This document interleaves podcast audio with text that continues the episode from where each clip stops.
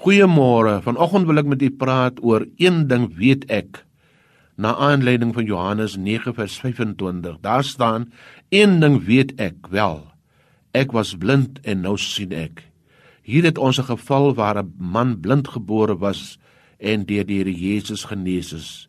Die Fariseërs was nie tevrede dat hy die Sabbat sy gesig teruggekry het nie en het hom ondervra. Die Fariseërs was die mees ortodokse onderhouers van die wet en die Sabbat. Hulle het die man en sy ouers lastig geval met allerlei bedenkings teen die genesende wonder. Wie is hierdie man? Hoe het dit gebeur? Waarom op die Sabbat? Wat sê jy van die man aangesien hy jou oë geopen het?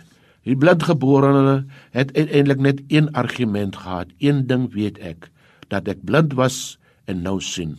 Vir hom was dit die grootste gebeurtenis in sy lewe om blind te wees, om in die duisternis te lewe, om die kleur van die natuur en die plante, die bome en die bome en die oë van jou dierbares nie te sien nie, moet 'n droewige toestand gewees het. Daarvan is hy nou verlos. Jesus se ingryping in sy lewe en die wonder om sy gesig te herstel is vir die man die belangrikste oomblik in sy lewe.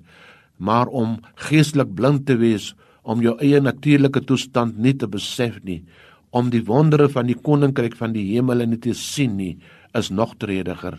Hoeveel verkeer nie vandag nog in hierdie toestand nie? Kan jy vanoggend sê, een ding weet ek, ek dat ek blind was en nou sien? Kan jy soos Job sê, ek weet my verlosser leef? Ook jy kan seker wees dat jy en in jou geestelike blindheid genees kan word dat jy gered kan word, dat jy aan die Here behoort. Laat niemand jou daarvan weghou nie. Tereg sê Johannes in Johannes 5 vers 13.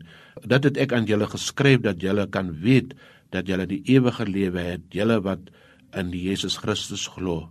Amen.